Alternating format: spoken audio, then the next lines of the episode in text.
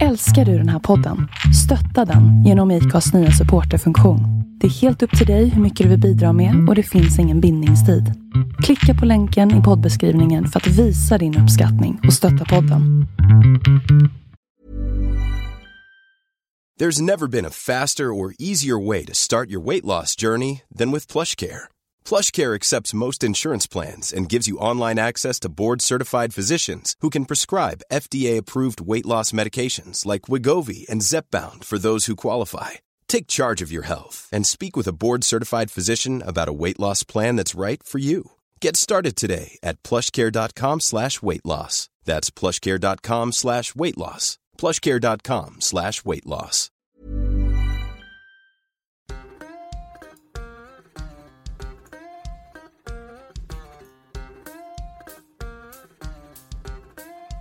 Eh, nej men det var, det var förmodligen inte viktigt för det försvann. Ja, du ser. Ja. Du, eh, du är den första som har bjudit in sig själv till podden. Ja, vad är det för, eh, Så kan man ju inte göra. Det, jo men Jo. så kan man göra men, det, men vet, du, vet du varför jag gjorde så? Eh, spelar vi in Nej. förresten? Ja, vi kör. Ja men herregud, då måste jag ju trycka på här. Ja. Ja, du kan ju säga om det här förnedrande som du nyss sa då. Vad sa jag då? Att Att jag är den jag har första... ju inspelat här. Att jag är den första Men du är den första som har bjudit in dig själv till Vi måste prata. Ja, det, som man gör. Nej, men det är ju för att jag har damp och, och bara fick något sånt, bara akut infall efter att jag hade lyssnat på, jag tror det var Sandra Ilar för att jag, jag dyrkar henne som komiker och nu också som skådespelerska tydligen. Ja, jag har inte sett det än, Alltså- men jag ska. Oh, det är så jävla ösigt. Du kommer att älska det. Det är så bra. Nej, men då, så jag bara fick något tryck och bjöd in mig själv till din podd. Eh, Jag tycker du, Ja. jag tycker du är en skön grabb och det är kul att lära känna lite så här betong, eh, betong, batong högermänniskor eller jag på att säga. Men du är inte batong, det är banjo. Ja, jag är banjo. Mm. Eller jag, är, jag vet inte om jag är så mycket höger heller. Jag vill bara vara i fred. Ja, Du har inte, vi har inte sagt vad du heter. Vi börjar med det då. just det. Jag heter Lorena och Ja. Ja, jag, jag beskrev mig, jag kan säga jag beskrev mig, jag beskrev mig som en eh, dalkulla från Colombia med damp tror jag. Och bensinvänster. Ja, kött och bensinvänster. Jag är alltså inte identitetspolitik woke-vänster i grunden utan jag är eh, någon slags eh, lantisvänster kan man väl kalla det för. Och, Det är bra. Det tror jag vi ska kunna hitta ganska mycket gemensamma. Men framför allt gemensamma punkter. Men framför Mm. allt så ska vi prata ADHD, tänkte vi. just det. För det har vi. Det, ja, som fan. Och, och jag har ju intresserat mig lite, eh, lite extra mycket då just för, eh, vad heter det, könsskillnader. Så det kan jag ju bara säga att jag kommer att, jag kommer att nämna biologiska könsskillnader så att alla som vill liksom bara cancel me kan göra det direkt. Ni kan bara stänga av. Eh, för det finns. Men, eh, men eh, vi ska prata lite om det och eftersom att vi har ADHD så har vi ju inte planerat det här så jättebra. Du har planerat det bättre än vad jag har. För jag har varit tidsoptimist deluxe idag. Och eh, när jag sitter på motorcykeln så kan inte jag klockan tydligen. Då försvinner en hel dag. Det kallas hyperfokus, Emil. Ja, fast det är avslappnande också. Ja, det, är min, det är min terapi. Jag mår så bra där så Ja. jag, jag bara... Ja, Ja men unna dig. Eh, nej, men, oh ja. nej men jag vet inte. Eh, antingen så kan man ju lägga upp det genom att liksom eh, bara prata lite så här allmänt om eh, eh, utgå ifrån forskning och Eh, nuvarande kunskap och prata lite om könsskillnader och vilka konsekvenser det kan få. Men jag tänker också att vi skulle kunna också, om du inte har något emot det, alltså gå lite tillbaka i backspegeln och kolla liksom på vår historia och så kan man liksom koppla in den forskningen som i alla fall jag känner till eh, till det och liksom se eh, vad finns det för skillnader, vad finns det för likheter absolut. Så Du, och, och vi, jag säger det redan nu att det här blir ju inte en intervju. Det har ju varit svårt att göra research på det, utan det här blir ju mer ett samtal mellan två, två ADHD-hjärnor. Så eh, sätt på er säkerhetsbältena, kära lyssnare. För nu blir det förmodligen åka av. yes, gasen i botten. Ja, Vi börjar med så här. När fick du diagnosen? I november 2020 och då var jag 31. Du då? Mm. Ja, men det, jag fick den för tio år sedan och då var jag typ 32. 31-32, så det är ungefär samma, Mm, samma eh, tidpunkt då. I våra respektive liv. just det. Eh, hur hade det varit innan det då? Eh, ja men det, det hade väl varit eh, ett, eh, ett, eh, kompakt jävla mörker ganska länge får man väl säga. Eh, av, eh, om, om vi ska gå liksom, jag vet inte hur långt tillbaka ska jag gå tycker du? Ta det från början. Från början början. Okej, men I Colombia. Colombia, där föddes jag. Eh, jag är ju adopterad så hela, redan där så börjar det ju liksom att man kan inte, man kan liksom inte, jag kan inte kolla på min mamma och pappa och liksom hitta några genetiska förklaringar där. Alltså min, alltså de som jag är uppväxt med. Eh, Mm. Så att eh, jag har väl känt, alltså jag, jag har känt att jag var annorlunda sen jag var alltså mini, fyra. Du, du fattar, alltså svinliten. Mm. Att det var så här, och eh, det är så här att jag, så länge jag kan minnas så har jag alltid haft, jag har känt starka ångestkänslor och jag har alltid känt mig trött. Och det är liksom, kons- att känna konstant trötthet när man är liksom ett litet barn och bara känna så här att när kan jag bara få vila från allt? Jag tror inte att det är supervanligt. Eh, men, eh, men så var det i alla fall. Men jag var också jävligt så här, livlig och glad och, och eh, ja, men, sjöng och skrattade och skrek väldigt mycket så. Eh, men eh, men eh, sen så det började liksom ganska tidigt och bara köra ihop sig, typ när jag började skolan och så. Eh, jag, många som har ADHD eh, har ju väldigt svårt för sig, alltså i skolan att det, alltså klara själva lärandemålen och så. Jag, jag, jag, det där klickade ganska snabbt för mig, i alla fall med läsa och skriva, så jag liksom fattade det. Och då blev det liksom istället att jag bara var så här sjukt under, understimulerad så jag, jag bara gjorde klart allting, bara betade av allting och sen så gick jag på mingelrunda i klassrummet och störde alla andra. Det har jag, det har jag insett nu att det var ju inte, alltså så gör inte en bra person. Men så gjorde jag i alla fall. Eh, men, eh, och, så här, och, och allting gick ju så bra och sådär men och, samtidigt så var det också så här jävligt mycket problem. Jag passade inte in någonstans, hade inte riktigt några kompisar. Var som sagt alltid jätte så här, trött och typ orkade inte. Det kändes som att det bara blixtrade i hjärnan hela tiden. Jag ville bara försvinna från allt. Ehm, och eh, så, vad heter det? Ehm, så, så var jag väldigt överviktig också. Alltså, väl, alltså Mm. fet. För jag, eh, alltså jag har varit överviktig sedan jag var två. Jag, väl, alltså väldigt, väldigt, jag, jag antar att jag bara var liksom matglad från början men sen så blev det, jag tror att det också har varit ett sätt att, att känsloreglera. Du vet allt det här att när man blir arg, Få lite dopamin. Precis, och så dopamin och sen när man är arg kan man äta så blir man lugn, när man är ledsen så kan man äta så blir man lugn, när man är liksom lite för glad så kan man äta så blir man lugn och så vidare.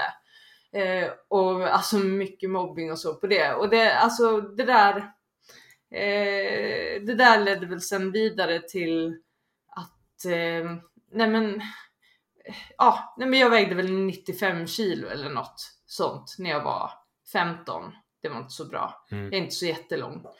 Ehm, och bestämde mig för att nej men om man skulle testa och bara så här ehm, inte äta hela tiden.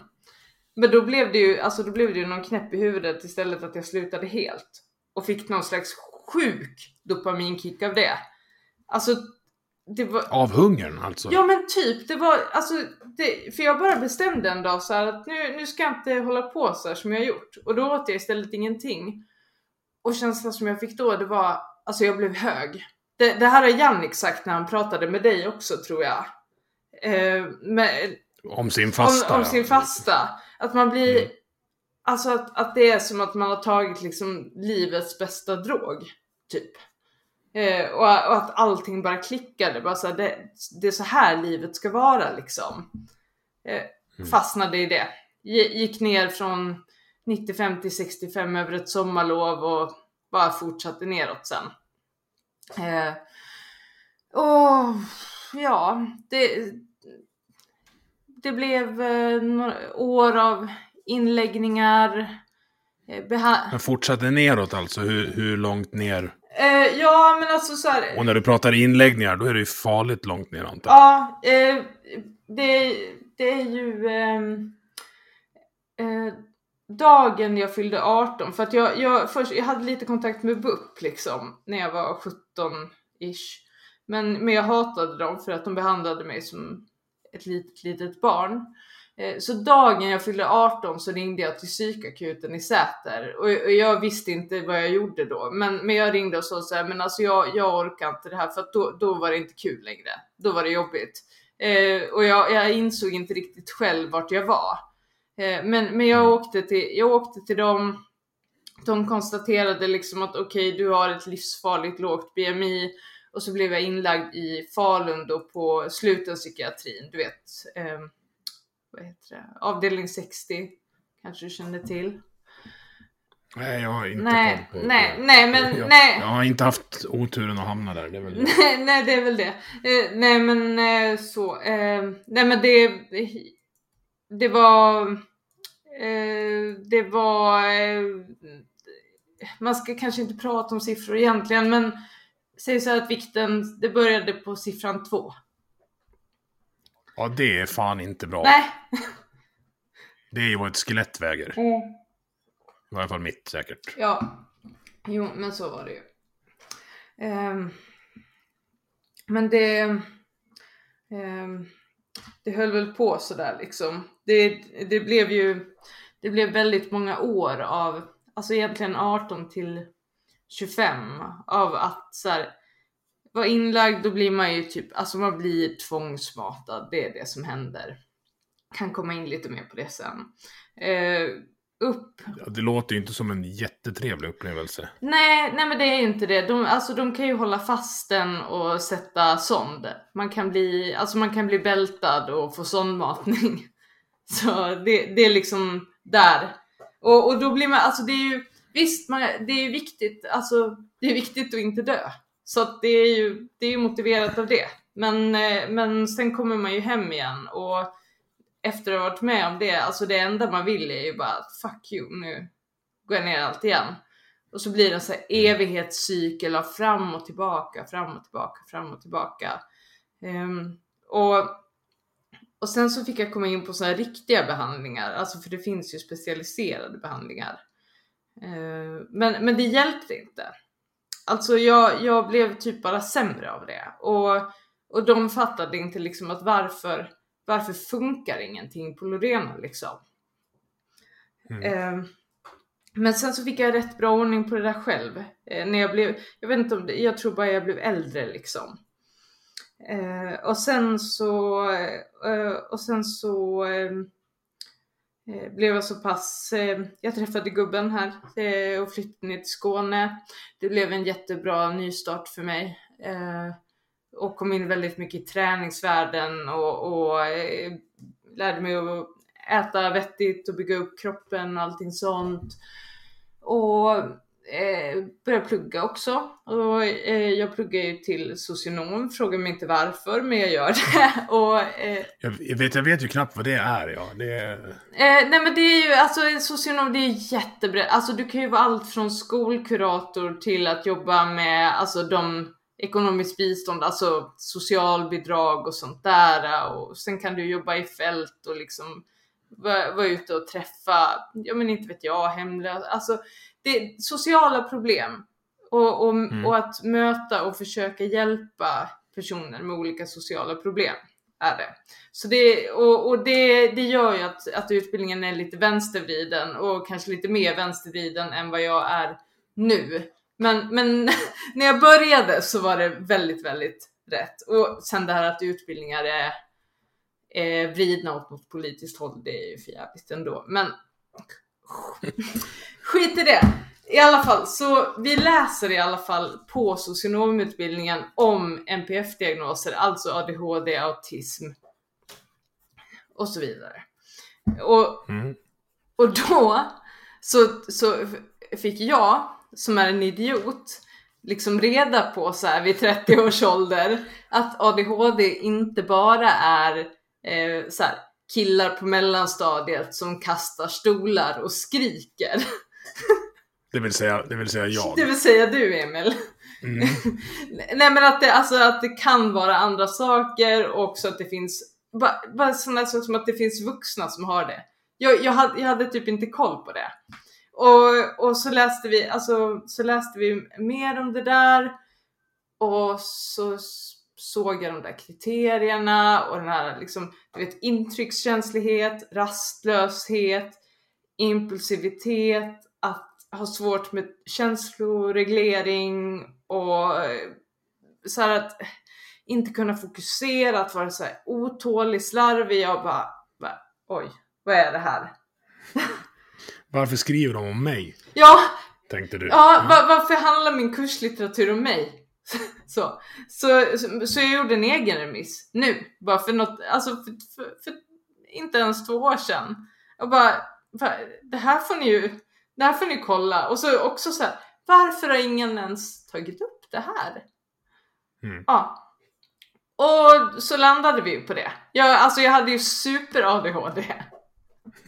och, och nu mår jag jättebra för att jag har fått medicin och fa- fattat vad, vad det är liksom, vad jag, eh, varför det blir som det blir och hur jag då kan kanske förebygga vissa saker och så. Så, så det, det var väl därför jag ville prata om det, för att jag blir så förbannad på att det ska ta så lång tid att bara få rätt förklaringsmodell.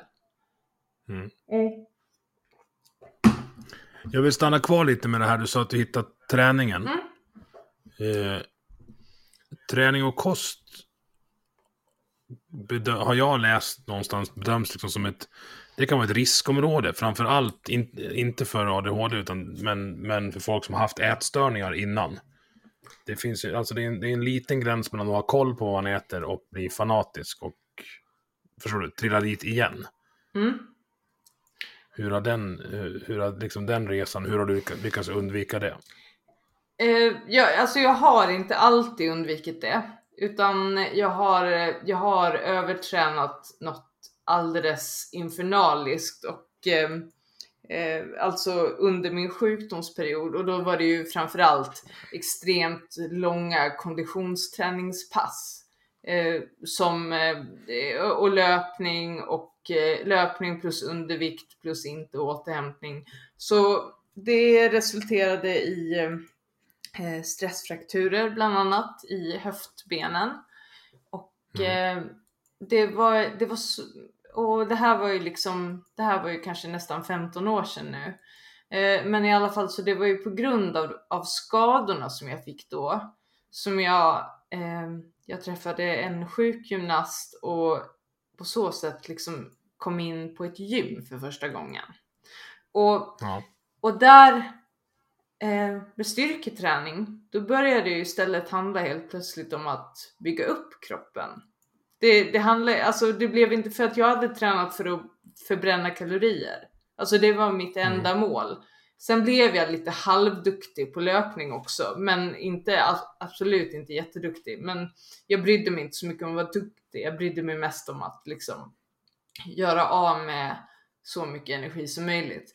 Men, men där inne så dels så var det en jävla skön stämning. Alltså de här, du vet, alltså såna här gymgubbar som är så här, de ser farliga som fan ut, men de är snälla något, åh vad snälla, de, är snälla, de är hjälpsamma, de tycker det är kul när det kommer någon sån här, alltså när det kommer någon liten räka och så här bara, men lär mig det här och, och bara, Ja, och frågar. Frågar saker. Ja, men så här, det är ju så, när någon frågar någonting man kan så blir man ju glad för att man får visa att man kan. Exakt, exakt. Och jag, och jag gjorde ju det där för att, eh, alltså, för jag var inte så rädd för såna här, du vet, såna här muskelgubbar med ansiktstatueringar, för jag hade ju varit liksom inlagd på psykiatrin, det kryllar ju så. Alltså jag vet ju, jag vet ju att de är snälla, så att jag, eh, så jag liksom, jag frågade och så här, du vet, fick lära mig liksom grunderna, hur drar man ett marklyft korrekt, knäböj, bänkpress, alla basövningar så här. Och kunde, alltså jag kunde knappt lyfta en tom stång första gången jag provade marklyft. Och, men, men ändå så att det kändes så härligt med den här gemenskapen och så var det kul så jag blev liksom motiverad av, av typ stämningen till att säga ja men det här ska jag nog försöka bli lite bra på. Och Mm. ja, ja, då behövde man ju äta lite också. Och ja, du fattar. Och, och så, ja, efter typ något halvår, ja, då kunde jag dra. Jag tror att första gången jag provade att maxa i marklyft så tror jag jag drog 90. Mm.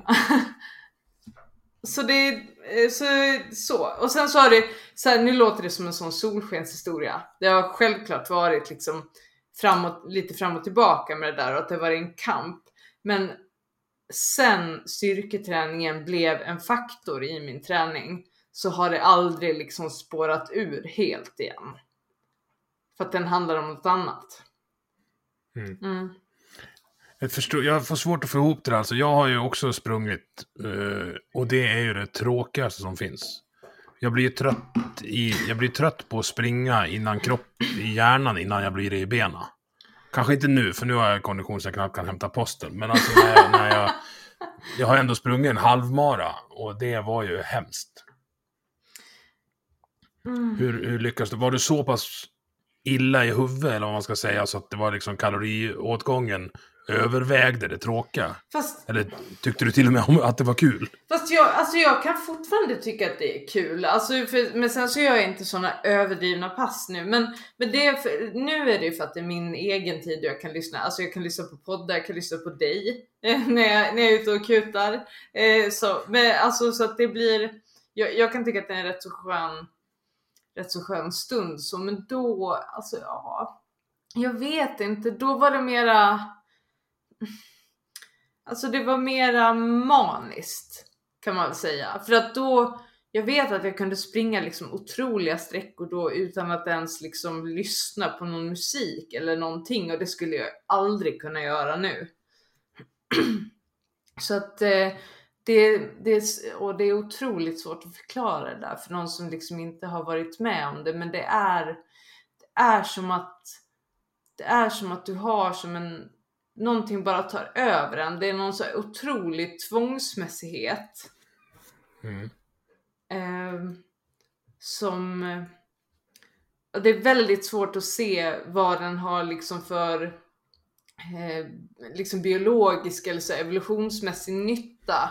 Men antagligen så finns det ju någon nytta eftersom att det är många som har det. Och där, Mm. och där om man kollar forskningen också så verkar det som att det är väldigt starka genetiska och ärftliga faktorer för att ha det. Så att det har väl fyllt någon funktion, kanske att, att kunna fortsätta röra sig framåt när man inte har hittat någon mat på jätte- jättelänge. Eller någonting sånt. Jag tänker på det genetiska. Mm. Som adopterad, har du, har du träffat dina riktiga föräldrar? Nej. Alltså, eller dina riktiga, dina biologiska?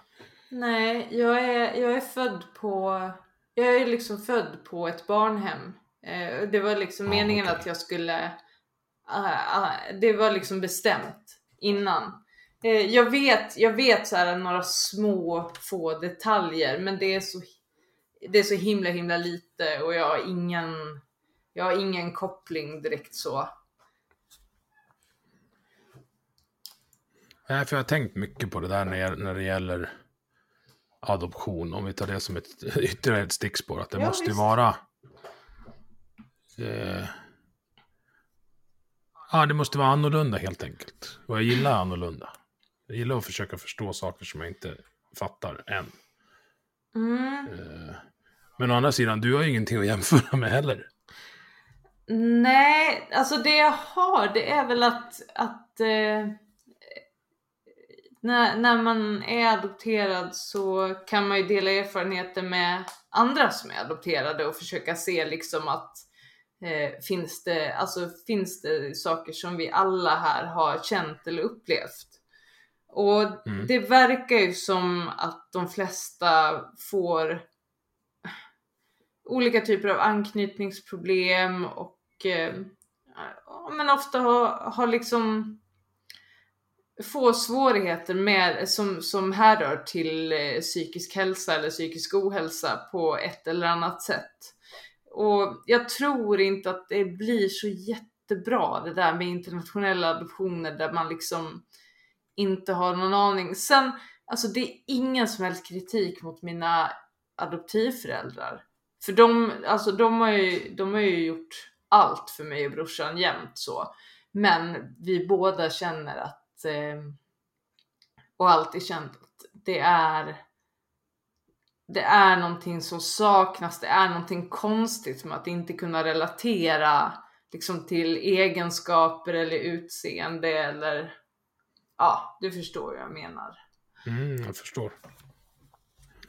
Och det där är ju, alltså det är, det är inget lätt ämne att prata om. Eh, just för att det öppnar upp för väldigt mycket lösryckta citat om någon skulle få för sig att cancella oss Ja. någon gång. Men alltså det är klart att folk är olika. Kulturer är olika. Jag, jag, jag ser inget kontroversiellt i det. Nej. Eh, och att då, då...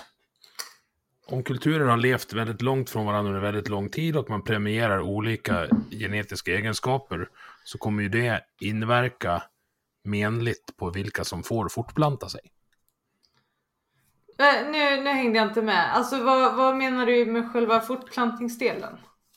Jo, alltså så här. Eh, generellt så är kvinnan den som selekterar vem som kommer få fortplanta sig av männen. Ja. Eh, och om då olika egenskaper premieras i olika kulturer. Jag har till exempel en teori om att man blir mer kollektiv ju längre från ekvator man är. För är man inte kollektiv så fryser man ihjäl. Just det. Mm. Eh, vilket gör att, att och liksom bara, så här, bara en procents skillnad i kulturell skillnad per generation över 45 000 år som Homo sapiens. Mm. Det blir skillnad. Mm. Ja men det, jag, jag tror det, alltså jag är ju och, och det kan, alltså jag, folk kan nästan bli irriterade på mig när de tycker att jag är så här biologist och, och primitivist och det, det där, allt det där när man liksom eh, går tillbaka och tänker i, i, i sådana banor. Men, men eh, alltså varför, varför skulle vår liksom stenåldershjärna och kropp ha hängt med? Alltså de senaste 100-150 åren. Det finns ju ingen... Nej, det finns inte en chans. Nej, inte en chans nej. att vi har liksom kunnat evolutionera oss i kapp med, med den tekniska utvecklingen. Det är omöjligt. Fullkomligt omöjligt.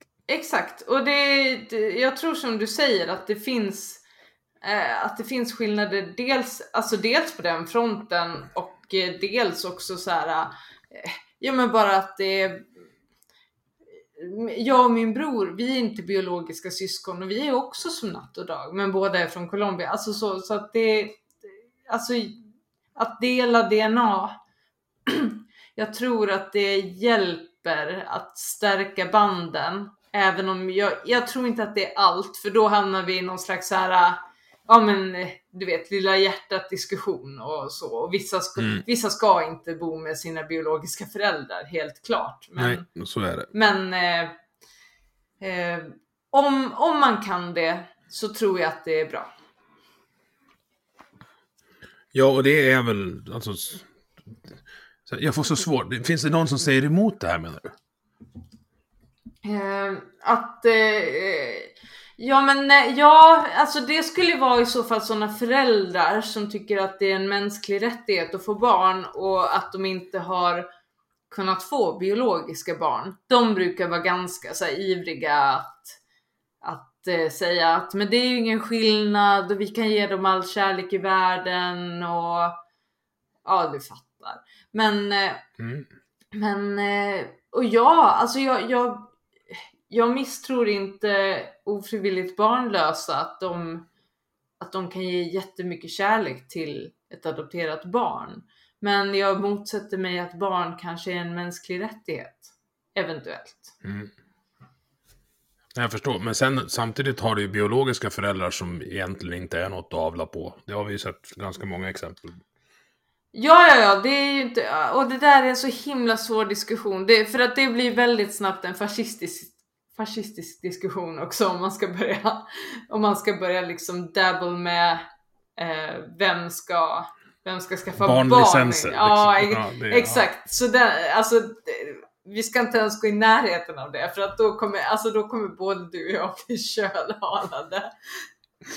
Ja, men jag, jag, ja, alltså jag tycker ju att sånt där är spännande att prata om. Det är det. Jag tycker det är jättespännande att titta på de olika, alltså om vi ska ta ett, ett närliggande ämne, alltså de olika amerikanska nyhetskanalerna gällande det här läckta memot från högsta domstolen nu. Vilken, vilken otroligt eh, diversifierad syn de har på den amerikanska abortlagstiftningen. Ja. Jag lyssnade på, jag ska se här vad det var jag lyssnade på igår som var så fruktansvärt bra om det. Eh, det här är bra innehåll nu. Ja. Jag sitter, Sitter och googlar. bläddrar i någon poddapp här. Mm. Ledarredaktionen, Svenska Dagbladet, igår eh, pratade om det och de kom fram till en, en väldigt bra syn. Ett, ett bra sätt att försöka förstå folk är att räkna upp de sakerna den nu inte håller med verkligen har rätt i och vad de uppenbart har tänkt på. Och de här två, eh, en, abortmotst eller en abortmotståndare och pro-abort, alltså det är, så, det är så jävla dum indelning. För det är så här, ingen abort eller abort fram till nionde månaden verkar vara de lägren som finns. Och så är det ju inte. Nej. Det finns, det finns ju gråskalor. Och vi, vi då, som kanske inte är världsbäst på gråskalor i våra egna liv, är rätt bra på att upptäcka dem på andra perspektiv, faktiskt, har jag, har jag, har jag lärt mig. Mm. Men de pratade om att de har helt enkelt olika ingångsvärden i diskussionen. Den ena tänker på eh, mamman och den andra tänker på fostret. Just det. Och då, ja, men då kan jag förstå det. Och sen tar man inte debatten utan diskussionen därifrån. Mm. Och då blir det en väldigt intressant diskussion. För då är du liksom inne på, på teologi, biologi, mänskliga rättigheter. Eh, ja, i en, i en liksom mix. Och beroende på vilken av de tre reglerna du drar upp högst för att du värderar den mest så kommer du komma fram till en annan slutsats. Mm, det, det, där är, det där är jätteintressant. Ja, eh, min, eh, min mamma, alltså min adoptivmamma, nu, det är den enda mamma jag har. Så, det, så. Men hon Ja, är, hon, Det säger mamma. Mm, mamma, hon är troende katolik. Eh, och eh, vi, vi pratade lite om, om det där bara här om veckan. Och eh, hon, eh, alltså hon har ju bott i Sverige sedan typ 76 eller något och blir väldigt försvenskad. Eh, Var är hon från från början? då? USA. Ja, okej. Mm. Och, eh, och hennes, alltså hennes föräldrar var extremt religiösa. De kände liksom någon av de gamla påvarna in person. Och, alltså så, på den nivån. Så en amerikansk katolik flyttade till Ludvika och adopterade, adopterade en colombiansk liten flicka. Ja, det var jättekul när de skulle åka hem. Eh, när de hade hämtat mig och jag hade colombianskt pass, farsan hade svenskt och mamman hade amerikanskt. Och de frågade liksom där på flygplatsen. Är ni släkt? Känner ni varandra? Ja, fan vad roligt. Ja, det var kul. Men, eh, men eh, ja, exakt som man gör. Nej, men farsan var utbytesstudent och bodde hos dem och det slog nistor och de blev ihop. Mm. Så var det. Mm. Men eh, skit i det. Men vi pratade i alla fall om det där, alltså med aborten och jag är ju, alltså jag är ju verkligen på mammans sida väldigt mycket liksom i mitt Sen kan jag vara nyanserad också, men mitt spontana tänk är ju så här att självklart kvinnans rätt till sin kropp och sina beslut och så. Eh, Mm. Och hon, alltså hon, hon sa ju att hon är ju på nivån nu att hon förstår det argumentet och tycker typ rationellt att det är rätt. Men det känns fel, säger hon. Och säger att det, Mm. Hon säger att hon, hon men alltså att rent känslomässigt så det känns fel med abort. Och jag tror att det där är väldigt, väldigt, man ska inte underskatta hur, hur mycket kraft känslor har i stora omfattande politiska beslut som det vi ser i USA nu. Mm. För em, religion väcker känslor. Så är det alltså. Har man levt under ett, nu höll jag på att säga paradigm, men det kommer jag aldrig säga i den här podden. Men har man levt under liksom ett, en idé, historiskt paraply, så blir det svårt att byta. Jag, jag, jag är ju allergisk mot o, ologiska resonemang. Jag är ju tramsfobisk som bekant. Just det. Med M, Mm. eh, inte N. Eh, så här, om vi går på katolikspåret. Mm. Jag förstår att det finns argument för att vara emot abort. Alltså det finns, de det finns en del poänger där som är, som är svåra att eh, till, i varje fall tillintetgöra. Mm. Men då kan man inte vara emot kondomer också, för då är man dum i huvudet. Ja, det... Där, där måste man ju någonstans liksom landa i något beslut. Folk kommer knulla, face it. Liksom. Ja, nej det, det, är väldigt, men det är, åh gud, det är så häftigt hur, hur dessa liksom gamla religiösa skrifter kan ha sån påverkan att man liksom tycker att nej men det är rimligt att vi inte har någon sex education nu. För att Mm. det, nej, won't someone please think of the children? För det är också så här, oviljan att utbilda och utreda gör ju att då är man inte säker på, eller så jag tycker att det är indikatorer på att man inte är säker på att det man själv tycker är e-, rätt egentligen. Alltså se bara på, på eh, vad heter de, Hallengren och Morgan Johansson nu, som vägrar utreda den svenska narkotikapolitiken, för de är rädda att utredningen ska komma fram till något de inte tycker om. Och kan vi inte Då ska man få sparken samma dag man säger något sånt dumt. Hej då, du, du platsar inte. Vi har högre krav på våra politiker än så här. Men ja exakt och det, och det där blir ju alltså det, konflikten står ju egentligen mellan att politik bygger på idéer och forskning bygger på fakta. Alltså Ja, och det, och, det, och det där blir så jävla tramsigt för att alltså gör de den här utredningen och det här är jag jävligt intresserad av så det här kan vi också snöa in på. Men, men kör. Nej men då, de kommer ju, de kommer ju att komma fram till att bland annat eh, alltså att en avkriminalisering av cannabis eller en legalisering skulle skulle liksom lösa åtminstone en del av rekryteringen av de yngsta till gängkriminaliteten. Det, Ja. de, de skulle komma fram till det. Polisen har påtalat det i åratal. Men de vill inte. För att svensk narkotikapolitik är En sekt. en sekt och den är sjukt dogmatisk. Och alltså, nej. Det, Och nej. folk, dö, folk dör av den. Alltså det är det som är problemet.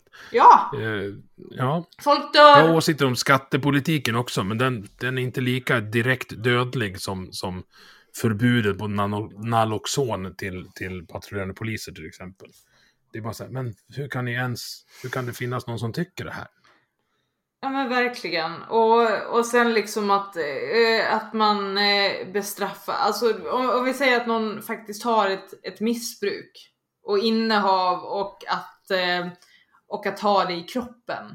Alltså att det, att det är kriminaliserat att du har ett missbruk. Det, jag, jag får inte ihop det. Jag får inte ihop Nej. det. För det, och, och, om man nu köper att Alltså om man tänker att, att ett missbruk är ett, ett fritt val som man gör bara för att man tycker det är lite festligt att vara beroende av heroin. alltså, det, Nej. nej, då, då är det väl okej, då, då kan man väl bestraffa det. Men i majoriteten av fallen så är det ju inte liksom något så här lustdrivet projekt. Nej men så här, det finns, man måste ju skilja på bruk och missbruk. Ja. Om bruket inte har någon skadlig inverkan på ditt liv, varför ska man då straffa det? Och missbruk, om du då har ett skadligt inverkan på ditt liv, så kommer du inte minska suget efter den substansen genom att de sätter handbojor på dig och du får böter. liksom, typ. Men Emil, om du, du vet väl om du tar ett haschblås, då, är, då handlar det alltså om, om dagar eller kanske timmar innan du sitter på plattan med en kanyl i armen. Mm. Och på plattan där springer langarna omkring och sticker folk med kanyler. Visst? För då blir man ju så glad på dem, så då bara, dig vill jag handla av. Bara, nej, det, det där har jag inte kommit på själv, utan det var Johan Wiklén som har skrivit boken Vi ger oss aldrig om den svenska narkotikapolitiken. Jag- Den ska ni läsa. Jag har inte hunnit läsa den än, men den står överst på min priolista ska jag säga. Ja. Ja. Jag läser ju inte, jag ljudbokar, eh, så den, den kommer. Mm. Eh, när den kommer där. Mm, jo men eh, samma, eh, samma här. Jag, att, läsa, att läsa med ljudbok är det bästa som har hänt sen skivat bröd. Jag eh, kör ju lastbil på halvtid och Mm. får då betalt för att lyssna på ljudbok. För bilen kör ju sig själv liksom på muskelminne. Mm. Och GPSen säger vart jag ska. Så jag, har, jag är så utvilad när jag kommer hem. Eh, det är ett helt fantastiskt arbete. Undrar om jag ska bli lastbilschaffis. Jag, jag har inte, Tycker du ska då? nu har inte jag tagit ens vanligt B-körkort än. Nej, det är en sån, det är en sån liten, alltså B-körkorts lastbil. Så jag bara hattar omkring. Är det sant? Mm. Ja men löser man det så då kommer det ordna sig. Men eh, alltså jag, jag ska säga ärligt och, och då kanske vi kan komma tillbaka till det här ursprungsämnet med damp. Att jag, jag tycker Mm. det är väldigt svårt att köra bil. Ja, alltså det är, en hög, det är en högre inlärningskurva för oss. Ja. Men när det sitter, så sitter det rejält och det blir muskelminne väldigt fort. Och vi som har problem med strukturer och, och liksom sortera saker och ting, vi tenderar, och nu pratar jag framför allt om grabbarna för det är, det, det är en sån jag är, Mm. vi tenderar att söka oss till ställen där regelverket är så pass tydligt. Det vill säga lumpen, blåljusyrken, idrottsläktare, gymmet, garaget, trafiken. Mm. Där mår vi väldigt bra, för det finns eh, en tydlighet i regelverket. Det finns möjlighet att halvbryta en del regler, fila lite på dem om man är beredd att ta konsekvenserna. Mm.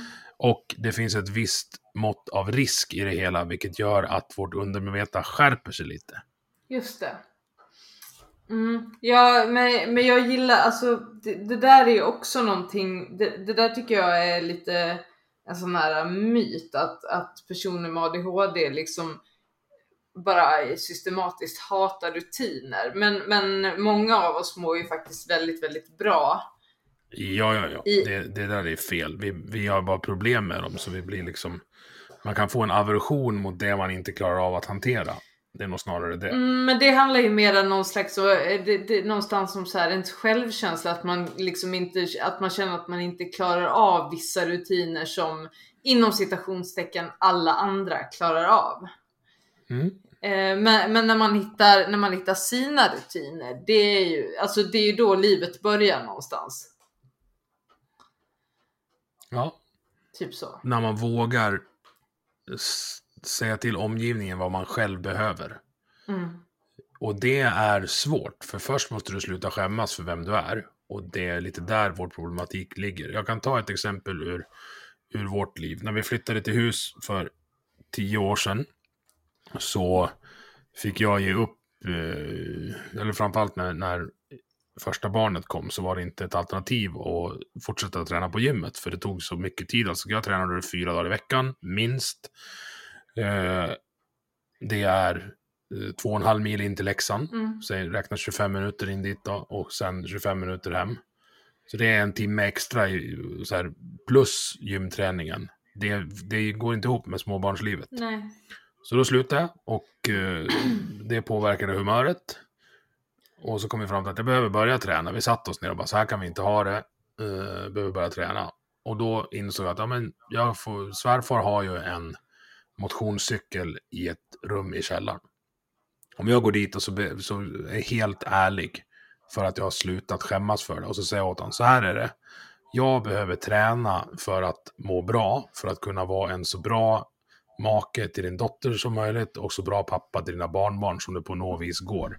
Finns det någon möjlighet att jag kan få ställa hit en bänk och en böjställning och lite, lite viktskivor? Det finns inte en svärfar i hela världen som säger nej till det när han får den förklaringen för sig. Nej.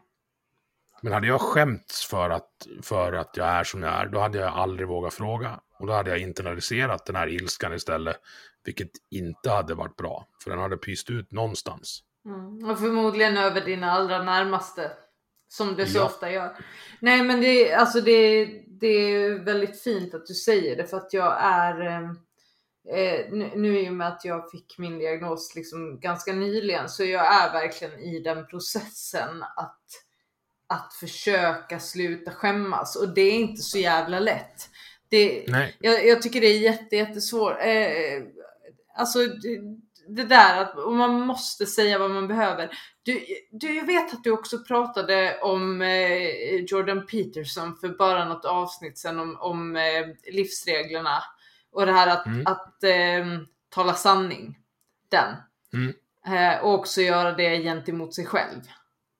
Ja. Eh, den, alltså den har, och jag har aldrig gjort det. För att eh, det, man blir väldigt bra, eller där kan man ju också säga någonting om att tjejer kanske blir ännu mera bra på att ljuga för sig själva och, och liksom eh, överkompensera och gömma och dölja allting som kan liksom härledas till ADHD. För att Mm. man skäms så jävla mycket för att var, varför kan jag inte bara vara en normal normal tjej här. Eh, Mm. Men, men, men det, alltså jag kämpar extremt mycket med det och jag vet inte riktigt. Eh, jag, vet, jag tänker hela tiden så här, nu ska jag säga, nu ska jag säga. Men så låser det sig. Precis när jag ska säga det så, så gör jag inte det för att det bara eh, Alltså när skammen bara sköljer över mig och bara tar över hela mig. Hur, hur, ska, jag, hur ska jag liksom komma förbi det? Det där har jag tränat på. Eh, alltså det, det där tränar jag på fortfarande. Mitt sätt att klara av skam och ångest. Det är att gå, gå rakt fram mot den och fucking jävla skalla den på näsroten så hårt jag kan. Och sen bara bada i den. Mm. Alltså så här, varför mår jag dåligt nu? För första tendensen är att trycka bort ångesten och skammen. Ja. Men om du trycker bort den så, så förblir den outforskad. Då är den monstret i garderoben eller spöket under sängen.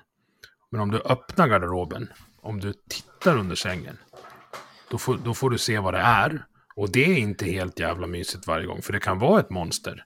Men då får du i alla fall se vad det är för typ av monster. Då får du bort oron. Det går att jämföra med, med om man är rädd för att gå till tandläkaren. Vad är egentligen värst? Är de där två dagarna innan man ska till tandläkaren eller den kvarten man sitter i stolen? Mm. Mm. Rakt på. Bara, och det, alltså det låter säkert enkelt när jag säger det. Men det här är inte enkelt. Det har tagit mig många jävla år att ta mig till, till, till att jag kan liksom bara bada i ångesten. Eh, men men den, den försvinner. Det är som ett kuvert som kommer från, så här, ett fönsterkuvert utan avsändare. Det är det värsta jag vet. Mm. Mm. Det, och jag har förbjudit mig själv att inte öppna dem. Mm. Det är bara att öppna dem och kolla vad det är. Sen kan du välja hur du hanterar det. Men att gå, gå och eh, ha, må dåligt över det, det, är, det tänker jag inte göra något mer. Med det sagt så är jag inte postansvarig i min familj. bara För det, prat, det pratar jag om på föreläsningen. Det har jag bytt bort mot bildäck och syltburkar. Ja, men återigen som vi sa precis i början, man behöver inte göra det värre för sig än vad det redan är. Men, Nej. men att fejsa, alltså att fejsa det som man faktiskt måste fejsa, det, det är ändå, eh, ja, fan. Det, Jag kan, jag kan dra en till analogi om, om det här, och, om livet i stort. ja snälla, Inte bara, inte bara för oss stampisar utan för vanlisarna också. kör. Eh, har du spelat Försvunna Diamanten någon gång? Jajamän. Mm. Det spelar jag med mina döttrar nu. Det tycker de är roligt. Eh, så länge rätt dotter vinner. eh, men, men i alla fall. Jag noterar att det går inte att vara bra på att spela Försvunna Diamanten. För det är sån stor, stort inslag av slump i hur man spelar. I och med att, i och med att eh, diamanterna är, är randomiserat utspridda över, över spelplanen. Så det går inte att vara bra på det. Men det går ju att vara jävligt dålig på det, vilket min fyraåring tenderar att vara. Hon går bara fram och tillbaka mellan sina två favoritplatser och tycker det är kul att slå tärning. Livet är lite likadant. Alltså det är svårt att vara bra på livet. Mm. För det har också en stor jävla klump av slump i hur saker och ting faller ut. Det vi ska fokusera på som människor på jorden är att sluta sätta krokben för oss själv hela tiden. Det vill säga springa fram och tillbaka mellan två städer i Afrika där diamanterna, diamantbrickorna redan har blivit vända. För då kommer ingenting hända. Nej. Amen. Det är samma sak när jag, när jag, när jag hjälper till, det kallas ju för att coacha, men jag säger att jag hjälper till och är en extra brorsa i, i lite familjer runt omkring som har barn eh, med turbohjärna. Mm. Alltså det är så här, ja ska vi, hur ska vi göra nu då? Vad ska vi börja med? Så här, ah, vi, ska nog, vi ska nog först lista ut vad vi ska sluta med för att det här ska bli bra. Mm. Homer Simpson är ju, det, det här är faktiskt uh, kul att du sa, men det här är faktiskt ett Jordan B. Peterson-grej jag har, har tagit med mig. Han pratar om ett klipp när Homer Simpson sitter och dricker eh, avslagen öl och äter majonnäs direkt ur tuben. Öh. Och säger att, att ja, det, här, det här är ju inte bra. Det här kommer ju morgondagens Homer Simpson att få fan för. Tur att jag inte är han, säger han. Ja, alltså Homer... Och där är man ju. Man vet ju om när man gör saker som man kommer ångra. Mm. Jag blir ju sur i magen av chips till exempel. Mm. Ja. Och då kan jag välja att antingen äter jag chips för att jag tycker att det är så jävla gott. Jag, har en, alltså jag gör en så god dipp med eh, avokado, crème fraîche, rödlök, äpplen och lime. Alltså den är helt magisk. Ja, det låter jävligt gott. Men då vet jag att jag kommer få komplettera den där eh, chipsstunden med en halv karta Novalucol genom för att ta mig genom natten. Ja, men då är man... Så då gör, jag, då gör jag det inte så ofta. Nej. Alltså jag kommer ju inte sluta göra den dippen. Det är guacamole 2.0. Den är helt otrolig. Ja. Eh, men jag får ju tänka vilka gånger jag gör det. Likadant med så här överdriven fet mat som pizza och, och jag har ju lärt mig att göra bearnaisesås själv. Det var ju inte taktiskt för viktmålen kan jag säga. Men, men man kan inte göra det varje dag. Utan det kanske är den där matlådan med kyckling och zucchini som ska vara basmålet. Ja, men exakt. Men, men det där är ju, alltså det där är ju verkligen eh, att kunna göra dåliga val lite då och då. Det är också, alltså det är också en skill. Alltså att, Mm. att kunna göra det och bara så här, nu gör jag det här dåliga valet, men sen är det bra. Sen, jag behöver inte göra det liksom måndag, tisdag, onsdag, torsdag, fredag, lördag, söndag. Bara för det. Nej, Men- precis. Men, så, så det är ju verkligen en sån livskunskapsgrej.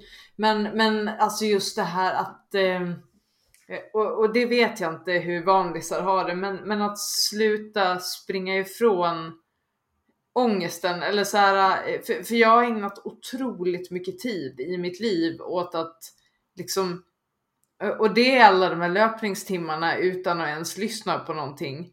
Det är också så här att om jag slutar så måste jag möta någon slags sån här avgrundsdjup ångest som jag inte vet hur den kommer att vara. Så då Mm. fortsätter jag. Alltså så, och, det, och jag tror att det där är väldigt... För att som du säger, när, när man väl bestämmer sig, för att när jag väl bestämde mig för att nu, ska, nu kan jag inte hålla på så här längre för att min kropp går sönder. Alltså jag, det knakar överallt och jag är typ 27 år och det är så här, jag måste liksom ge mig. Eh, så då, det, alltså det går ju. Och, och det, är, det är inte ens när man väl, när man väl facear någonting som är så extremt ångestfyllt. Det är oftast inte ens så hemskt som man har.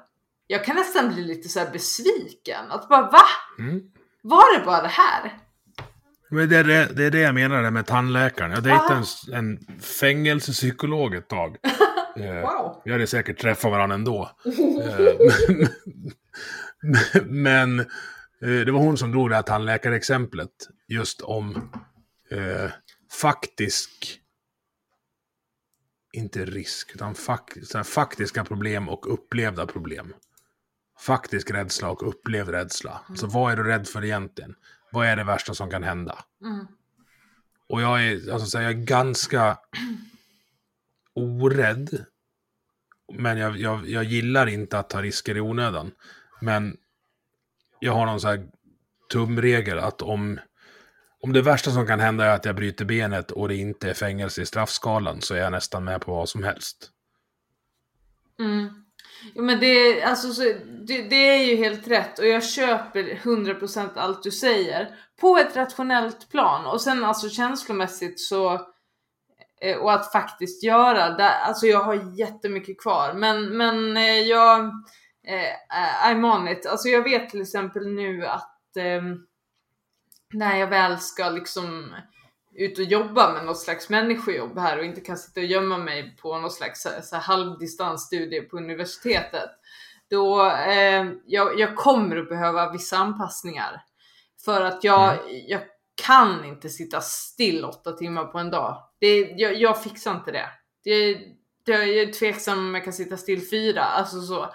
så att jag kommer ju behöva säga till den här potentiella arbetsgivaren att alltså jag nu är det vissa saker här som jag, jag, jag måste liksom få ta en runda här och göra lite armhävningar och ta en promenad här mellan att jag gör saker. Och så, alltså förmodligen så kommer ju någon som tycker att jag verkar kompetent och bara säger ja, det går väl att lösa. Men, men det känns mm. ju så jävla läskigt att man ska behöva säga det, du vet. Ja, men det är för att du inte har slutat skämmas. Mm.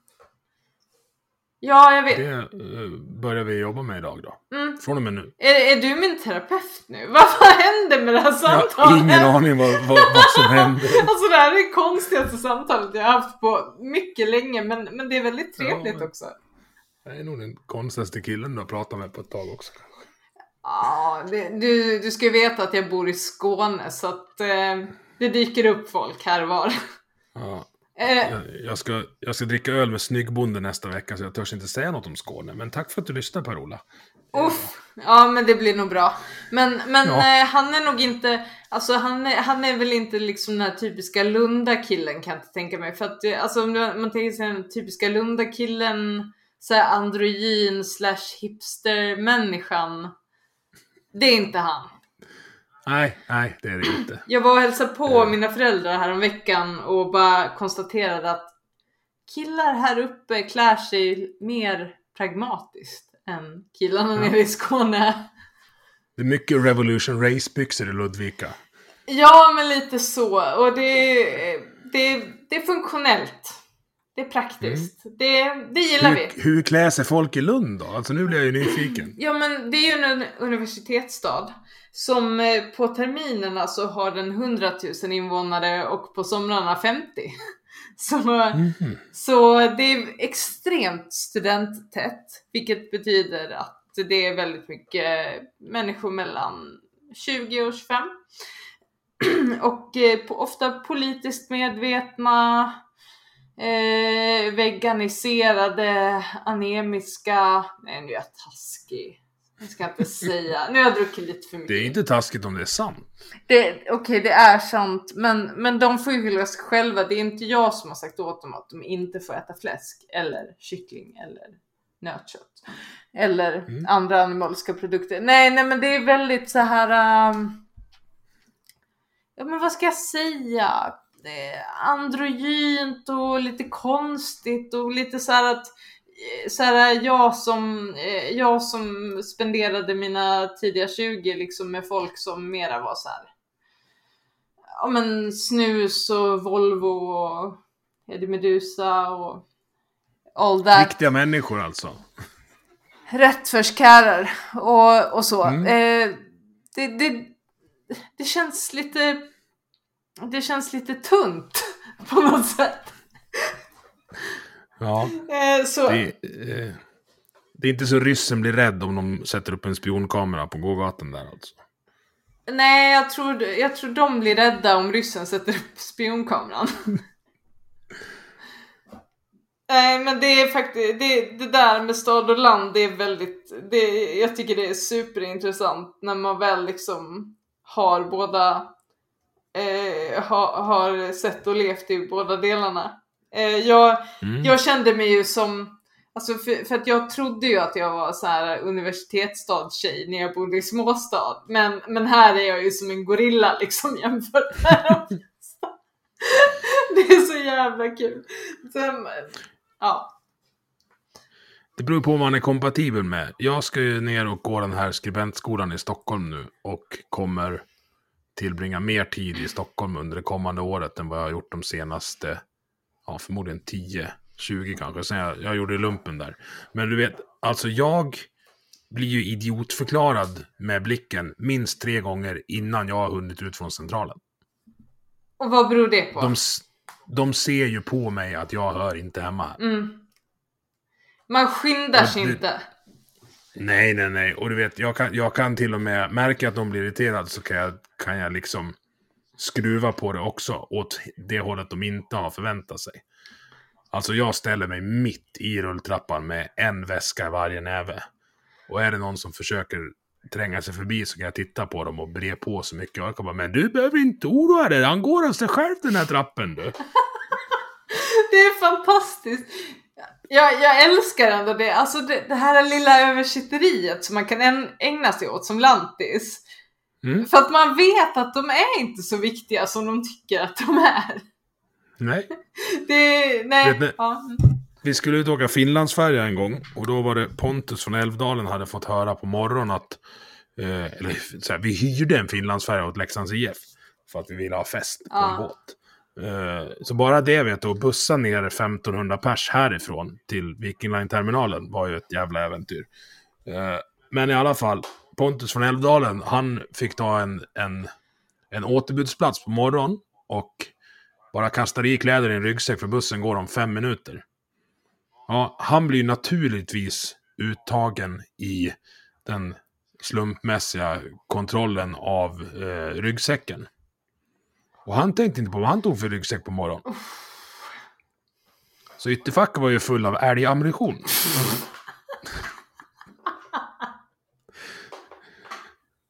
Det var intressant eh, att försöka få ombord honom, för han hade ju suttit på en buss då från Älvdalen sedan halv åtta på morgonen. Eh, och druckit öl med sina polare.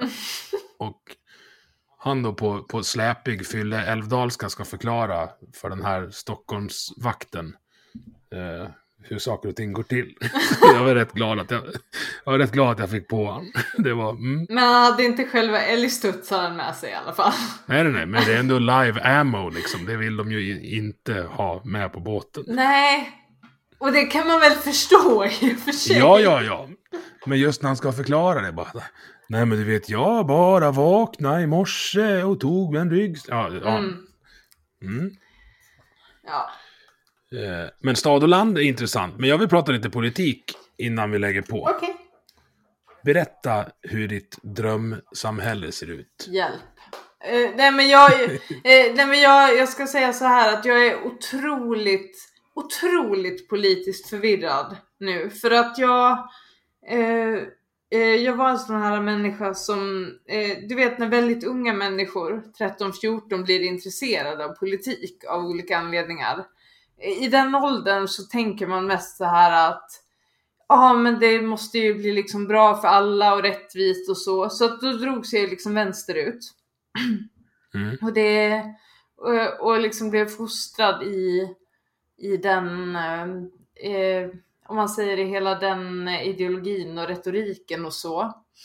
Eh, Alltså du gick med i typ Ung Vänster eller något? Ja, alltså jag, var- jag var inte superengagerad så, men jag, var, jag befann mig lite så i utkanten av det eh, väldigt länge. Och, eh, och mm, var så här, det var väl ändå någonstans där eh, efter hela det här 2015 eh, flyktingkrisen, alltså för då var alltså jag var verkligen på den här uh, Sverige inte alls fullt sidan och ja du fattar allt det där. Eh, men, Mm. men så går det några år och så ser man så här att okej, hur går det här då? Går det bra?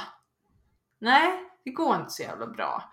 Och, eh, och eh, jag ser liksom att personer som har varit, röstat, röstat V och S, alltså nu, nu snackar vi landsbygd, nu, snackar, alltså nu är vi tillbaka i Ludvika. Eh, Mm. De börjar rösta SD, okej, varför gör de det? Ja, för, och jag behöver inte tänka liksom jättemånga rundor för att förstå liksom varför de tar den vändningen. För eh, bruksorter, eh, saker flyttas till Kina, Indien, folk blir arbetslösa. Samtidigt kommer det andra människor dit från någon annanstans som inte verkar liksom lida samma kval. Och eh, jag, jag kan så här, verkligen, verkligen se varför, varför den här skepsisen växer. Och samtidigt så blir jag så här att det är ju liksom inte deras fel, de som har kommit hit på något sätt, att, att det är så himla illa organiserat. För, Nej. för det är det ju inte. Det, jag kan ju inte liksom beskylla någon, någon enskild person eller familj från eh, X land för att Sverige inte har haft en plan. Jag fattar det, Nej. jag fattar det. Sverige okej, vi har inte haft en plan. Vi har bara varit så här helt, ja men alla, alla ska få vara med som på skolgården. Och det funkar inte i ett, alltså i ett sorts globalt perspektiv. Och, och där någonstans så börjar jag bli så här. Åh nej. Vad, vad, vad har ni gjort? Vad har ni gjort egentligen? Och, och, och, och det här, alltså det här kommer, det här kommer inte att bli bra. Åh, så panik. Eh, Miljöpartiet finns inte ens med i den här ekvationen för jag hatar de jävlarna. det är från början liksom. Eh, men, eh, men, eh, och sen så Eh, och sen så, ja, sen var det väl Jannik som sagt, det var väl hans fel att jag började lyssna på alla God ton och Sista måltiden och allihopa. Så eh, fuck Jannik, men, men nej, men samtidigt tack så mycket Jannik för att eh, verkligen så få vettiga perspektiv på så, eller bo, både vettiga och inte så vettiga, men att få jag känner att jag liksom har fått hela bilden först nu de senaste åren. Och det gör att jag, jag kan inte riktigt placera mig politiskt. För jag, jag, jag, känner, jag känner att det är så mycket, du vet det här Dunning-Kruger-effekten. Mm. Först så kan man inte så mycket och tycker att man kan jättemycket. Och nu är jag i det på någon slags nivå att bara, ah wow, jag kanske inte kan typ någonting här. Men, eh, men, men vad jag gör, det är att jag försöker att bara så gott det går eh, lyssna på alla, höra vad de har att säga och dra mina slutsatser utifrån det. Och eh, inte liksom stänga ute någon, någon, någon röst. För att jag, jag, vill, jag vill höra vad alla har att säga och så den som jag är minst arg på kommer jag väl att rösta på i september. Där någonstans. Så, men jag tycker det är svårt. Men du verkar tycka att det är ganska så enkelt. Nej, nej, nej. Jag är lika vilsen som dig. Jag, är, jag har ingen att rösta på. Ingen alls. Nej. Nej, för vem, Eh, vem ska för, ta? för jag tycker inte att, jag tycker inte att, eh, eh, ja men som du säger, 2015. Mm. De som hade bäst analys av det var ju Grotesco-gänget med den här musikalen. Det var liksom, det är här, nu vänder vi kappan efter vinden. Nu gör man det igen. Ja, verkligen. NATO. Så här, vi kommer aldrig gå med i NATO så länge jag är eh, försvarsminister. Men nu ska vi gå med i NATO. Jag tänkte fortsätta som försvarsminister. Men du kan inte, så, kan man inte hålla på. Nej. Eh, Men som du säger, när, när folk vände där och började rösta SD på landsbygden. eh, jag har en, i varje fall en, klar, en ganska klar analys av vad det beror på. Och det beror på att de var de enda som eh, nämnde samma problem som folk såg i sin vardag. För att de problemen var tabu för de andra att, att eh, prata om. Mm. Mm. Och så är, det, så är det till viss del fortfarande. Alltså, jag blir arg när jag ser partiledardebatten. Bara, berätta för mig vad ni har för lösning på hur det ser ut idag. Det är det enda jag är intresserad av. Jag skiter fullständigt vem som gjorde vad för 30-40 år sedan. Berätta för mig hur ni ser på problemet och berätta för mig hur ni tänker att man ska lösa det. Mm. Och sen blir jag, det som gör att jag drar åt, drar åt höger är att jag tror inte att det är staten som ska lösa alla problem. Nej. Och jag är så infernaliskt jävla trött på slöseriet med skattemedel på trams. Ja men det är så här. eh, Det, jag vet att, eh, jag tror det var Omar Makram som sa det här i, i något sammanhang att, så här, att jag tror absolut på en välfärdsstat. Men med det slöseriet som vi vet i och med till exempel slöseriombudsmannen föregår, Mm. förekommer. Som, det, vi, vi, det går inte att ha det som vi har det nu. Det, det måste bli, alltså i så fall så måste det vara väldigt transparent. Vad, Mm. vad som händer och vilka pengar som går till vad. För att eh, så, det, där är nog jag någonstans. Att jag är ju liksom inte emot en välfärdsstat men det går inte att ha det som vi har det i Sverige idag och det bara så här ryker miljoner till något fult konstverk i Flen som ingen vill ha. Mm. Jag vet inte om du har lyssnat på, eller om du läste det jag skrev. Min brorsa stod ju längst fram bland poliserna i Örebro. Vart skrev du det Eh, någonstans? Ja, på min, det var nog på Facebook. Men, men jag, skrev, jag skrev ett öppet brev till Morgan Johansson där att det var ju liksom... Vad tänker du göra åt det här då? Och är du ens intresserad av att försöka lösa det här? Men sen har jag undersökt lite, jag, har, jag känner ju fler poliser eh, än så. Och eh, dels kom det ut igår att de var, det fanns underrättelseuppgifter på att det här skulle hända för åtta veckor sedan, innan det hände. Och så är det så att polis, länspolismästaren, eller vad det nu heter, i Örebro vart erbjuden hästarna från Stockholm inför det här. Men tackade nej på grund av för dyr intern fakturering inom polismyndigheten. Oj. Och du vet, då vill jag bara gå ut och hoppa genom ett fönster. När jag hör det. Mm. Men vet du när jag vill hoppa ut genom ett fönster? Det är när, det, det är när jag pratar med normala, enligt mig i vanliga fall intelligenta människor som bara förbjud koranbränningar. Helt plötsligt. Mm. Vad va, va, va, va, säger ni? Jag, jag, försökte, Ja. alltså jag försökte prata med farsan som, alltså, som jag ändå ser som en relativt så här logisk och rationell varelse i vanliga fall. Han bara, ja men Ja men de sa ju på det där nyhetsprogrammet att det blir ju på något sätt hets mot folkgrupp och jag var nej! Det är inte hets mot folk. Det, alltså du kan inte säga att muslimer är en folkgrupp. Det går inte att jämföra. Nej men hur många var det som vart arg och härjade då? Om du säger att det var tusen pers ut över Sverige. Vi har, vi har en halv miljon muslimer här. Mm. Alltså de är, de är så... De är så få. Mm.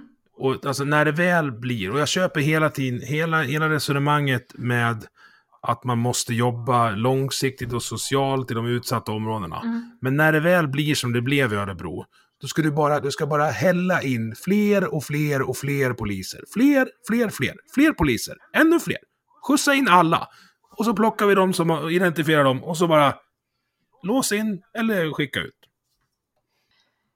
Ja, vad ska, vad ska man säga? Det, om inte det här har satt fingret på vilken otrolig problematik vi har att jobba med här innan vi liksom kan bara så här eh, öppna armarna för jag, nu, nu vet jag inte exakt vad, vad, vad de har sagt liksom med migrationspolitiken nu, liksom vilka som kan söka asyl och så vidare.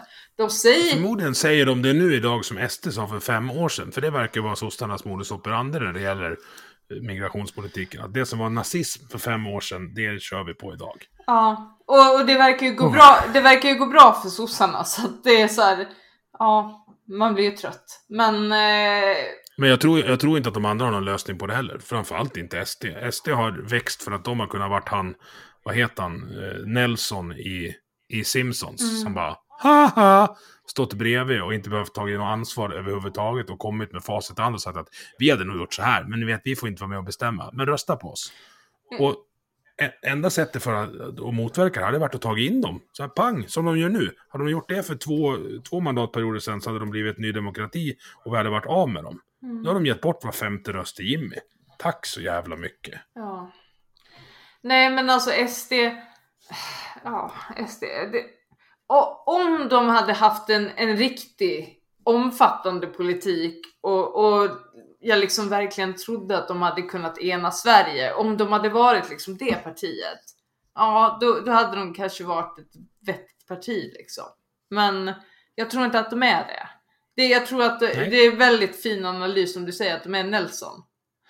Så, så det finns ju ingen att rösta på. Det, jag, men jag förstår varför med eh, drar så mycket folk ändå. Alltså varför de ökar i popularitet för att de liksom på något sätt ehm, Nu sa du med. Ja, nu sa jag med. Nej, nu sa, Ja. nej, nu sa jag med. Nu, jag, nu pratar jag Ja. med. Eh, Ja, okej. För att, eh, då, alltså för att de växer ju ändå i popularitet, upplever jag i alla Mm. fall. Jag vet inte om det är en filterbubbla eller inte. Men, eh, men alltså ändå att de, de har viss framgång liksom. Mm. Eh, och jag, jag tror att det är för att eh, de kör med någon slags retorik som är väldigt så här icke-politiker-retorik. Eh, Att det är väldigt eh, så här, ja men vi kommer här med raka rör och vi ska bara vara pragmatiska säger de. Jag är inte jätteinsatt i deras politik så, men eh, jag tror inte, åh, åh jag vet inte. Vad fan ska vi rösta på Emil? Nej, jag, jag vet inte. Och samtidigt ska man ha klart för sig att typ, kanske inte 90, men nästan 85 procent av de besluten som påverkar oss i vardagslivet tas egentligen på kommunal nivå. Just det. Och kommunpolitiker är ju en spännande art. Eh, jag har försökt, ska du veta, men det gick inte. Det är sånt lågt tempo och det är så mycket eh, konstiga idéer och grejer. Eh, nu, alltså, nu är alla överens om det här. Ja, men vad bra. Ja, men då tar vi och gör det här då. Bara, nej, det här måste ligga på... Vi ska bordlägga det här och så det tar vi när vi har det utskottsmötet om sex månader. Bara sex månader? Vi är överens. Jag har suttit och väntat här i fem minuter på att få ordet. Ska jag vänta ett halvår till? Nej, nej, nej. Det här går inte. Det här är ingenting för mig. Så... Eh, ja, Ja, nej, men... jag, jag bygger, eller så här, vi i vår familj bygger vårt liv för att klara oss eh, så gott det kan. Det är det jag menar med att vara, vara i fred. Mm. Jag räknar inte med att få ut en krona i pension. Jag räknar inte med att eh, polisen kommer vara på plats här innan det är för sent om någonting skulle hända. Jag räknar, in, jag räknar med att ambulansen har ungefär samma insatstid som polisen. Det vill säga, vi bygger någons, inte självförsörjning, men vi ska klara av det mesta själv tillsammans med våra grannar i egenskap av kris. Och det låter så här lite prepping, men det är inte så mycket prepping, utan det är bara en inställningsfråga till hur man hanterar ja, men, ekonomi, mat, fordon, eh, så. Sen är ju min, min prepping-strategi är ju bänkpress, så att jag är större än grannarna inte tycker om, så jag kan slå ihjäl dem och ta deras mat. Ja, min eh, är att kunna springa ifrån dem. Eller att springa ifrån dem som eh, försöker döda en på något sätt. Men, eh, men eh, jag, jag förstår vad du säger för att det är så här. Jag tror att, det, att man är väldigt naiv eh, nu om man tror att, att eh, pappa staten ska komma och rädda en liksom eh, när, when shit breaks down. För att Mm. den, gör, det, den kommer inte att göra det. Och det, alltså nej, jag, jag tror inte det. Jag tror att det, alltså fo, politikernas fokus riktas åt ett helt annat håll än eh, eh, du och jag på gatan liksom. Vanligt. Politikernas fokus är att bli omvald. Det är deras första prio. Ja, det är ju det. Tyvärr. Ja, de här fyra års mandatperioderna också som är åt Mm. helvete. Det vore ju, nej, vi, vi skulle ha en kung istället och så här, som bara byggde för sin släkts framtid liksom. Man skulle, max, man skulle kunna sätta ett, men du får, du får vara, du får sitta i riksdagen max 12 år. Mm. För då får vi inte dit karriäristerna. Då får vi dit de som, ja, men nu har jag 12 år på mig om jag sköter det bra. Nu ska jag se till att få något gjort och sen ska jag skaffa mig ett annat jobb. Ja. Men jag tror att det är väldigt lätt att bli kvar där med sina, vad är det, 67 lakan i månaden. Jag tror att det är 83. Oj, de har... nog 67 efter. Ja, ja, de har höjt sina löner. Är... Ja, ja, men unna er. Unna er. ja, ta, här, ta mina pengar. Jo, men det skulle behöva reformeras och vi har ju väldigt mycket myndighetsaktivism här ute på landsbygden också. Eh, med med liksom strandskydd och bygglov och vargar och eh, ja. Eh, jag har för övrigt intervjuat partiledaren i med i avsnitt 22, ifall någon vill lyssna på det och fundera lite mer på, vad- på vad de är. De har ju vettiga saker att, att säga kan jag tycka. De är ju däremot ett offer för systemet i Sverige med inte bara 4% riksdagsspärr, utan även ett väldigt omfattande partibidragssystem. Vilket gör att vi med våra skattepengar betalar partierna för marknadsföring för att vi ska rösta på dem så att de återigen ska få våra skattepengar. Det är en loop som jag inte tycker särskilt mycket om. den är problematisk och ifall med får 2,5 procent så får de väl partistöd, har jag för mig. Mm. Det coolaste vore om de gick upp till 2,5 procent och sen tackade nej till partistödet. Det, den, det mediegenomslaget skulle inte de kunna köpa för partistödet. Men skulle, skulle jag, när, när jag tar makten, Mm. då skulle jag avskaffa partistöd, pressstöd och flerbarnstillägg. Det är mina tre första. Mm. För då tror jag att man får, då blir det liksom marknadsekonomiska villkor. För som du sa, ska det vara en mänsklig rättighet att ha barn? Ska staten betala för att vi ska ha barn? Jag vet inte riktigt. Det, det är så, nej, jag kan tycka att det är rimligt att man som, som vuxen människa, eh, eller som par då, som det ju krävs för att det ska bli barn, mig veterligen i alla fall, eh, Mm. att man liksom ska kunna eh, fundera igenom så här att kan vi axla det här ansvaret nu? Mm. Det, det, det är så här, där snackar vi inte om, då är vi liksom inte inne på fascism och tvångssteriliseringar, men att man i alla fall liksom kan tänka den här rimliga tanken att kommer jag att kunna sätta mat på bordet till den här lilla parveln som eventuellt kommer här? Mm. Det, och flerbarnstillägg, ja, ja jag, tror, jag tror det också faktiskt. Jag tror att det kan bli en inlåsningseffekt av flerbarnstillägg. Att, att de som liksom har barn och sen upptäcker att oj, det har hänt så mycket på arbetsmarknaden så det är för jobbigt att återinträda. Ja, men jag tar och skaffar en till. Så får jag vara hemma lite längre och eh, får ännu mer bidrag den 20. Mm. Jag säger inte att det är så. Jag säger bara att jag, jag anar konturerna av en risk. Men jag tror, alltså jag tycker inte att det är konstigt att, det, att man fastnar i det. För alltså, samtidigt om man bara kollar på arbetsmarknaden hur den ser ut. Att man alltid, du vet, man ska alltid vara ung och hungrig och eh, eh, du vet flexibel och stresstålig och sådär. Det är ju jobbigt. Mm. Det är ju jobbigt så att jag, jag, kan, jag kan fullt ut förstå att, att även den som kanske har varit etablerad till och med eh, tidigare fastnar i det där lite grann. Mm. Eh, så, så ja, men jag, jag tror det också om det ska liksom funka. Jag säger inte att det jag säger inte att det är varken rätt eller lätt, men jag, jag, jag tror att det skulle göra det bättre. Eh, men det är möjligt att jag har fel. Det har hänt förut också. Mm. Men vi ska knyta ihop det här nu. Men tillbaks till arbetsmarknaden och vi kombinerar det med ADHD då. Ja, låt oss. Eh, jag har en kompis som heter Jörgen som var med i ett av de första fem avsnitten. Eh, eh, de som är med video och ligger på YouTube också. Eh, han är en klurig jävel som jobbar med kompetensförsörjning och utveckling och lite så här framtidsspaning och så. Och han berättar att det finns en undersökning om vilka egenskaper som är mest eftertraktade på arbetsmarknaden idag och vilka som kommer vara mest eftertraktade om ett decennium. Och den där görs, uppdateras kontinuerligt. Och det forskarna kommer fram till är att många av de egenskaperna som ingår i diagnospaketet ADHD klättrar stadigt på den här äh, skalan. Och det är som du säger, flexibilitet och, och, de, och de här grejerna, inte sitta still. Mm. Det kommer vara mer eftertraktade egenskaper på arbetsmarknaden framöver. Men med det sagt, man måste ju fortfarande ha dem under kontroll för att bli anställningsbar. Så det är inte bara så att de kommer starta en dampförmedling bredvid Arbetsförmedlingen där de har eh, så här, eh, stolar som man får gunga på. Utan det, det man, behö, man behöver skaffa kontroll över. Ja. Men det finns en liten ljusnande framtid där.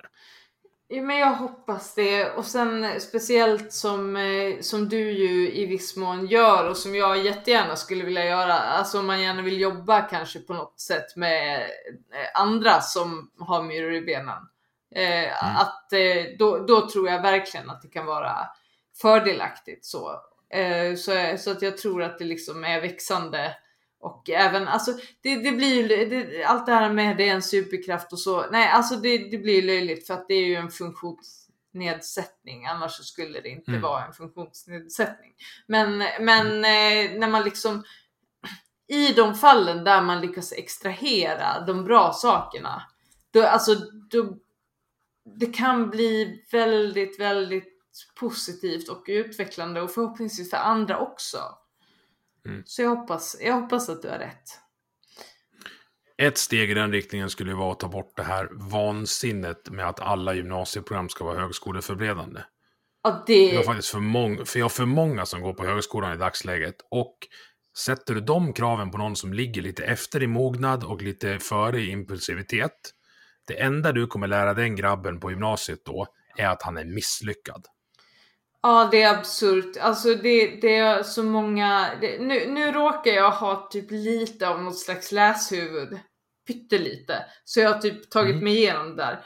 Men så, alltså så många vänner. För att man, man tenderar ju att dras till likasinnade.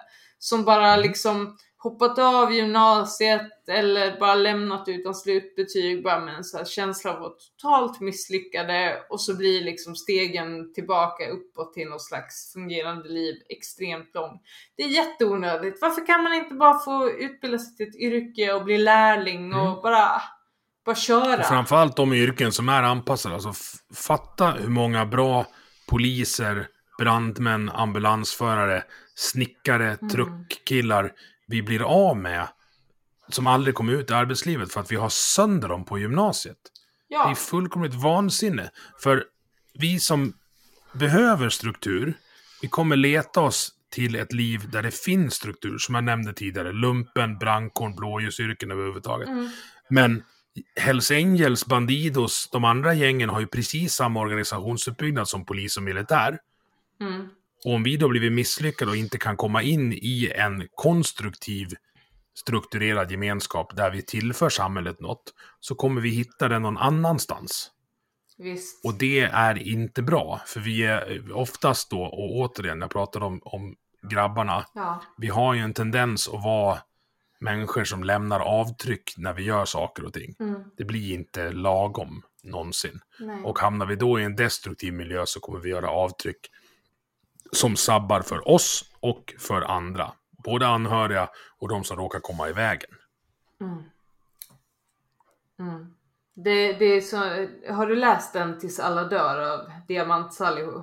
Han, Nej, den jag har inte vågat. Nej, men, men eh, i alla fall i en intervju där det här blir bara en kortis så säger någon av de där killarna, liksom de förortskillarna att alla, alla vi har ADHD. Eh, men vi medicinerar med våld och droger liksom.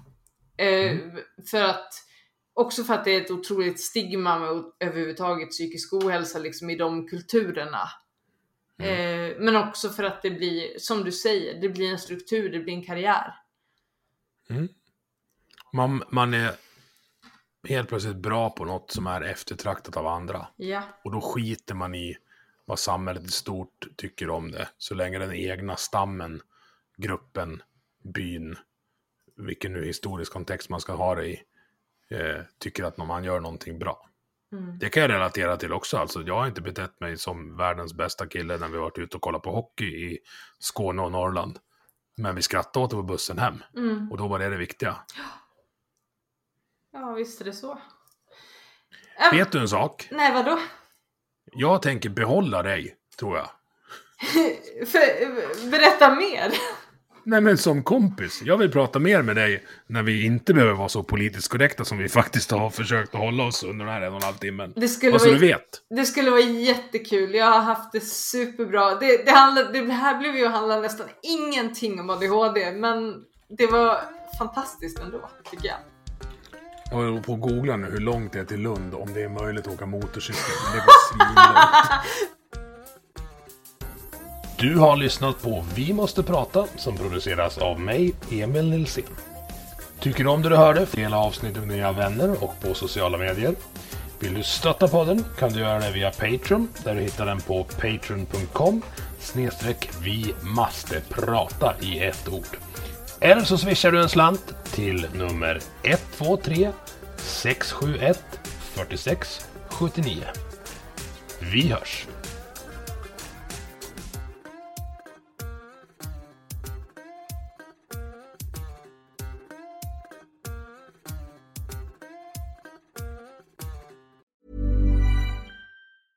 Planning for your next trip? Elevate your travel style with Quince. Quince has all the jet setting essentials you'll want for your next getaway, like European linen, premium luggage options, buttery soft Italian leather bags, and so much more. And is all priced at 50 to 80% less than similar brands. Plus, Quince only works with factories that use safe and ethical manufacturing practices. Pack your bags with high-quality essentials you'll be wearing for vacations to come with Quince. Go to quince.com/pack for free shipping and 365-day returns.